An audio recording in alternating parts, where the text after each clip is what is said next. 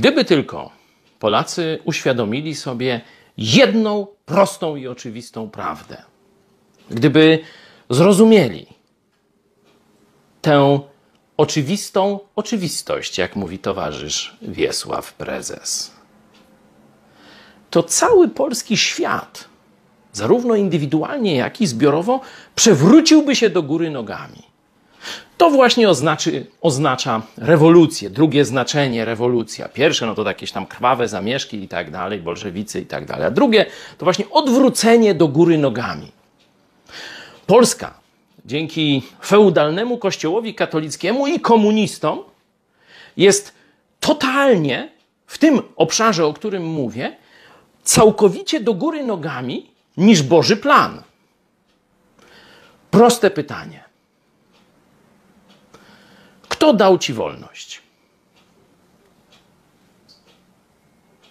Polak odpowie: Państwo. A mądry człowiek odpowie: Bóg. Państwo zabiera ci tylko co najwyżej część wolności. Jeśli jest dobrym państwem, no to strzeże Twojej wolności.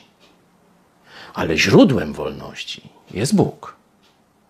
Gdyby Polacy to zrozumieli, przestaliby traktować państwo, rząd jak Boga.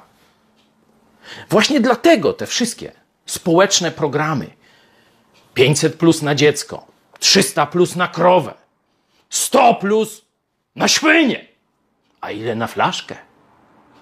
20 plus wystarczy.